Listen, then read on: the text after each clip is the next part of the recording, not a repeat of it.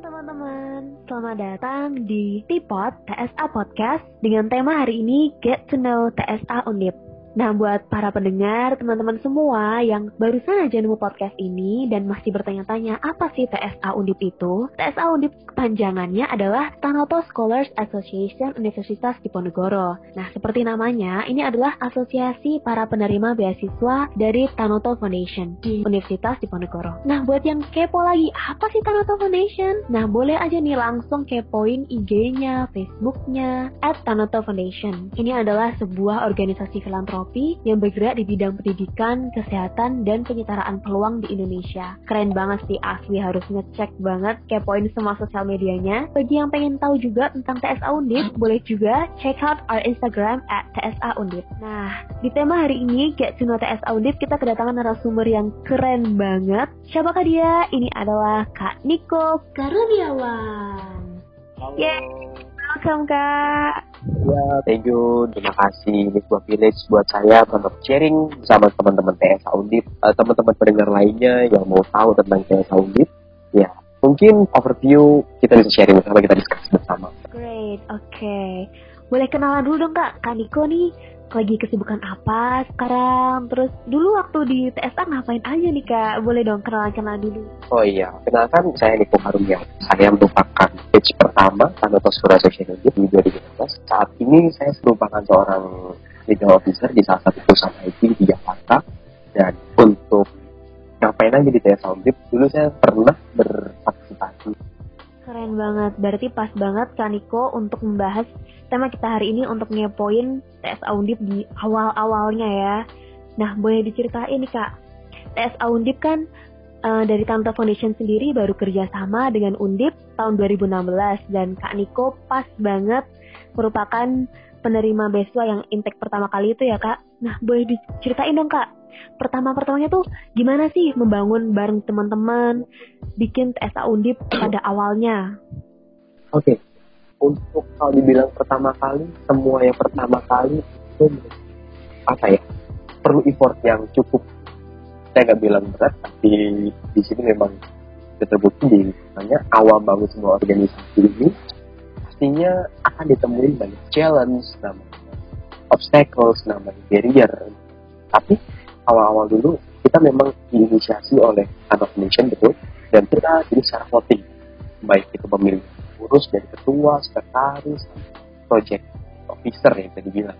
Itu kita pilih secara voting dan kita full initiate dari Tanato Schools Tanato Foundation sepenuhnya support fully support untuk kita melakukan inisiatif project tapi untuk manajemen ya kemudian untuk perencanaan ya untuk planning dan execution yang full diserahkan kepada Tanato Schools Oke oke, jadi emang eksekusinya itu emang diserahkan pada ini ya para penerimanya untuk organisasi manajemen dan lain-lainnya. Nah, di awal-awal Kaniko kan sebagai sekretaris nih. Nah, mulai boleh diceritain dong kak, pertama-pertama di TSA Undip ini ngapain aja sih tahun pertamanya? Apakah fokus untuk manajemen organisasinya atau udah langsung terjun langsung bikin project nih kak? Kalau pertama kali dulu kita di challenge ya sebagai satu organisasi baru tepatnya 2016 jadi di tahun yang sama kita memulai suatu organisasi dan di tahun yang Mhm. sama pula kita memulai suatu bentuk project seperti apa di Undip so, literally it totally challenge for us. kita belum tahu role modelnya seperti apa Hmm. memang dulu ada TSA yang dulu seperti mungkin TSA UI, TSA IPB, TSA IPB dan TSA TSA lainnya yang lebih dulu daripada Undip. Undip itu barengannya dengan TSA Berwijaya. Itu kita sama-sama mulai, kita sama-sama mulai dan kita nggak tahu role modelnya siapa. Akhirnya kita sama-sama sepakat pada waktu itu yang pertama kali dulu Korea Indonesia ketuanya Mas Ado kita bikin role model sendiri kita tidak atau karena memang namanya suatu organisasi itu kontekstual kita nggak bisa lihat sama persis dengan yang lain tapi ya memang similar gitu. Oke Hmm. itu singkat kita kemudian kita mulai suatu project. Di masyarakat project pertama kali adalah pertama kali itu di daerah desa Jambungan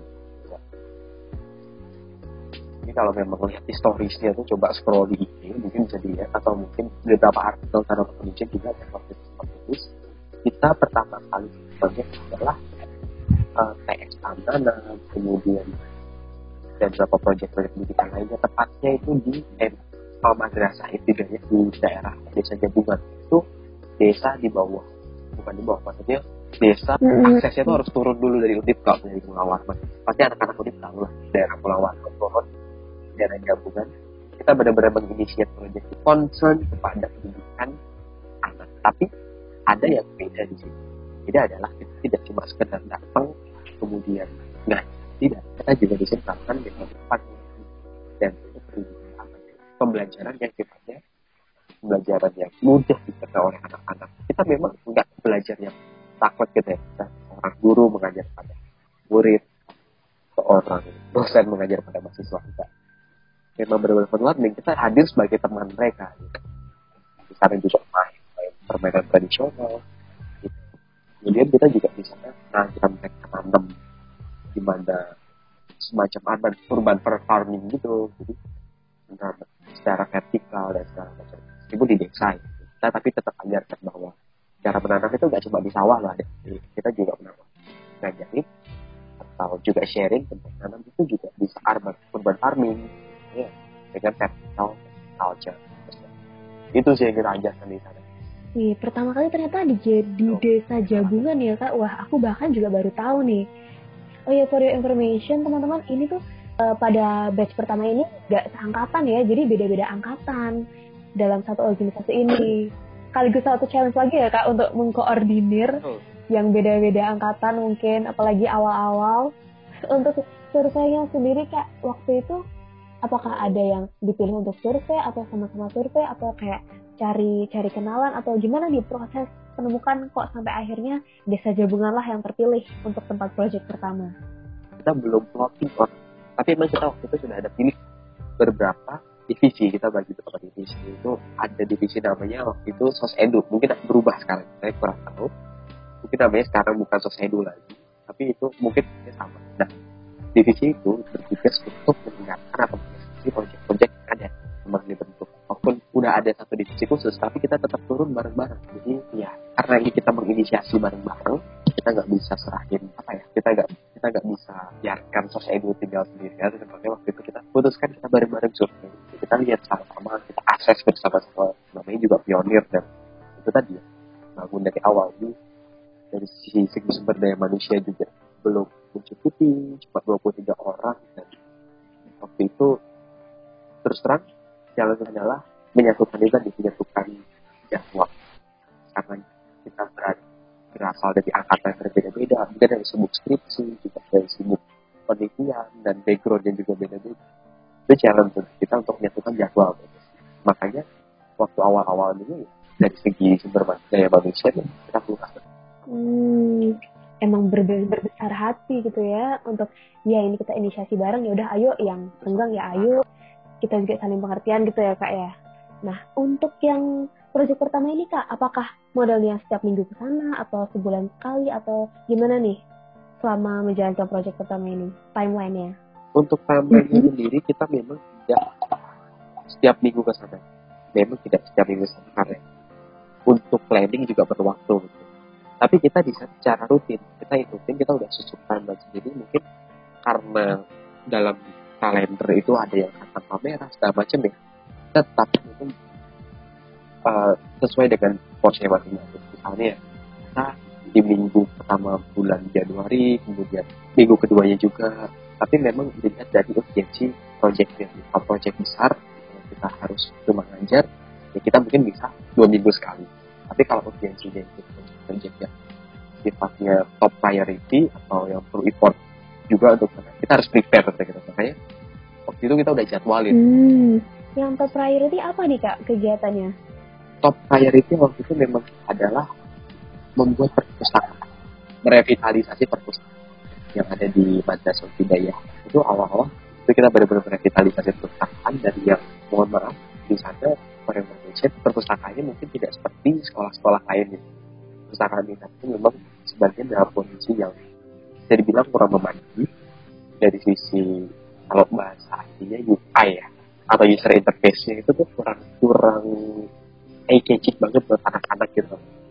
Cuma tembok polos cuma beberapa lemari juga udah ada yang reot. Itu kita bikin konsep fun library. Bener-bener itu anak-anak enjoy untuk ke sana bener-bener ruangan yang bisa membangkitkan itu untuk baca makanya kita Keren banget sih, oh ternyata ih, bersejarah ternyata itu mural ya kak. Mengadakan proyek ini kendalanya tadi kan udah sempat disinggung tuh untuk menyamakan jadwal karena dari angkatan yang berbeda-beda, background berbeda-beda. Dan bia biasanya nih kak, kalau sempat terjadi sampai kayak pada sibuk semua atau misalnya ada ada kendala gitu, biasanya apa sih kayak solusi untuk supaya proyek ini tetap jalan? Frankly itu kita pernah posisi semuanya pada nggak bisa. Dan beberapa dan cuma beberapa orang aja yang bisa. Bahkan tadi segelintir orang aja yang bisa. Bukan beberapa ya. Beberapa lebih dari segelintir orang aja yang bisa. Untuk datang ke proyeknya waktu itu kita sistemnya saling backup. Jadi memang benar-benar kosong yang punya itu oke okay, datang ke kemudian memang nggak bisa datang karena alasan tertentu ya.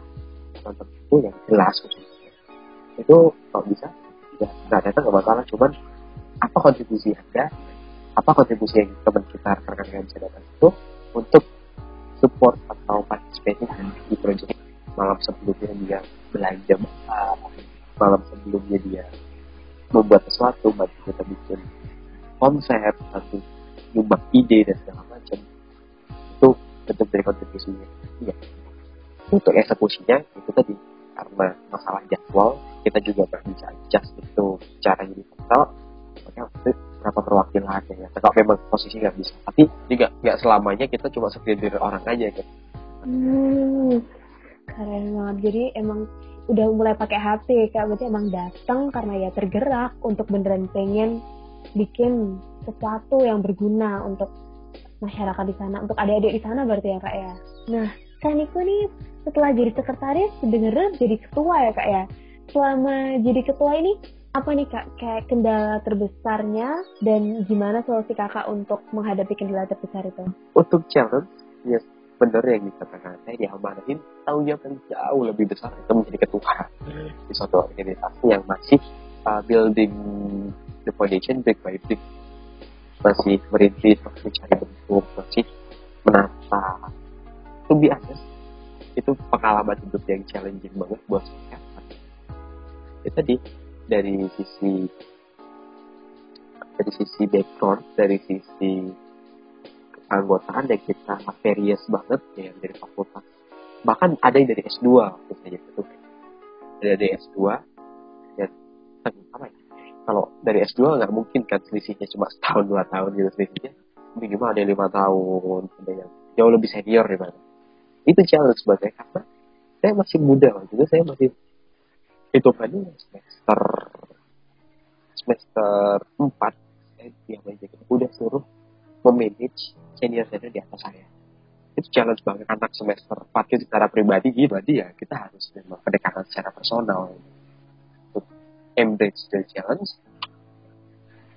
Dekatnya secara personal. Kita lebih persuasif gitu. kita mungkin untuk meeting kalau saya waktu dulu sama sama pengurus yang lainnya gimana kalau kita meeting yang enjoy gitu. Yang meeting itu gak serem meeting kantoran yang organisasi atas bawaan kita emang tidak menerapkan itu. Tapi kita coba buat meeting mungkin mungkin meeting di tempat makan gitu. Suasana lebih cair dan ide itu mengalir di dalam itu yang kita, kita terapkan. Mungkin dengan organisasi-organisasi lain kita memang nggak bisa samakan. Kita kita membuat model sendiri mungkin kalau di BEM misalnya itu ada di PKM nya meeting secara ada undangan itu di PKM ya kalau kita eh eh guys ya mungkin di zaman dulu masih lain mungkin pakai lain ya eh guys kita meeting di tempat makan yuk misalnya kalau anak itu yang pasti dia depan dayat melawak kemudian dayat Mister G gitu, gitu kita coba coba untuk terapkan hal itu.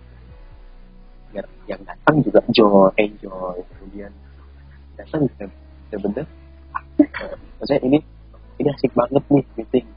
Asik banget meskipun challenging tetap aja dibawa enjoy ya. Jangan lupa pendekatan personalnya. Kan Niko berarti ini kalau tadi dari ketua di semester 4 berarti sekretaris itu masih semester 2 ya kak? Betul, satu mungkin kata muda teman-teman yang baru masuk semester 2 ya. Istilahnya maba nih, maba keren banget berarti dari semester 2, 3, 4, 5, 6 sampai lulus berarti beneran berkecimpung selalu ya di TSA Undip. Betul. Nah sekarang udah udah lulus, udah berkarya di lingkungan kerja. Eh, seberapa besar sih pengaruh TSA Undip ini terhadap hidupnya Kak Niko? Kan udah dari semester 2 nih, udah berkecimpung selalu kuliahnya bersama TSA Undip. Berapa besar pengaruhnya buat kehidupan Kak Niko saat ini? Kalau bisa di user atau bisa diukur kontribusi teknologi dari saya kata pribadi juga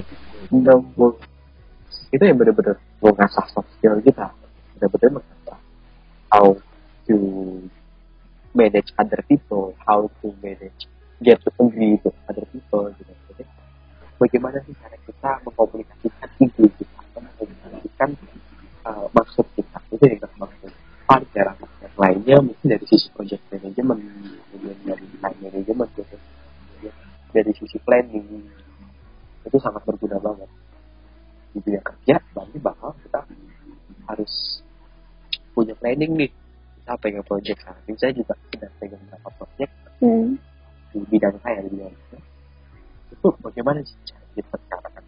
Bagaimana cara bikin monitoring dan bagaimana cara itu yang mungkin nggak hmm. di dunia perkuliahan khususnya di kampus ya di kelas. Nah, kita di kelas kan juga belajar di soft skillnya terserah kan juga pelajari gitu. Di signifikan jadi sudah terasa di PSA Undip dan emang bener ya emang di dunia kerja ya kenyataan emang seperti itu. Kita akan memanage orang yang emang lebih jauh berbeda-beda lagi kalau udah di lingkungan kerja. Kak Niko, nggak kerasa nih udah mau selesai episode pertama kita. Keren banget aku dengar kisahnya apalagi ini nih we are our own role model. Weh emang kadang tuh memulai tuh emang susah tapi begitu begitu kita sadar kita jadi pertama ya nggak apa-apa. Kita adalah our own role model. Itu kayak beneran ngena banget sih buat teman-teman mungkin yang mau memulai sesuatu jangan takut gak usah gentar tenang aja. Kita bisa kok jadi role model diri kita sendiri. Terus juga dengar tadi kisahnya bikin project udah gitu dengan kendala SDM-nya dengan berbagai background beda angkatan juga sistemnya bisa kita bikin saling backup dan yang penting tetap ada kontribusi perwakilan dan jangan lupa untuk bikin projectnya itu selalu sustain. Nah sekarang boleh dong kak kasih harapan untuk TSA Undip ke depannya? Oh sure boleh dong. Untuk TSA Undip ke depannya khususnya untuk anggota-anggota teladan ya karena baru join maupun yang akan join sebagai kandidat itu privilege banget loh status status hmm. anggota TSA Undip karena ini merupakan organisasi yang fun sama organisasi yang bener-bener itu bisa kita utilize buat develop kita diri kita buat kita improve soft skill kita di sini kita bangun relasi dari sama dan saya sih. Kalau di teknologi tetap berkarya tetap membumi dan menginspirasi seperti Nogo maupun di lingkungan yang nggak selalu jadi audit itu harus menjadi bareng-bareng juga baru bilang TS berbanggalah ketika diri kita ditempatkan di tempat dan kita bangkit follow hijau Tunnel Foundation karena itu tandanya kita sudah siap berkontribusi pada masyarakat kita sudah siap menjadi pionir kita siap jadi inisiator atau katalis. Saya tahu di sini impact itu yang perlu kita impact kita berbeda ya. Oke, okay, thank you banget teman-teman semua yang udah dengerin podcast kita Tipot untuk episode yang pertama ini. Dan thank you so much untuk Kak Niko yang udah bersedia mengisi dan memberikan insight privilege baru buat kita. Wih, keren banget. Applause, applause, applause. Virtual applause untuk Kaniko. Thank you, Jogela. Thank you buat momennya. Terima kasih untuk weekend. Saya sharing sama teman-teman semua. Mantap, mantap. Oke, okay, see you next time you guys untuk episode Tipot yang selanjutnya. Sampai jumpa.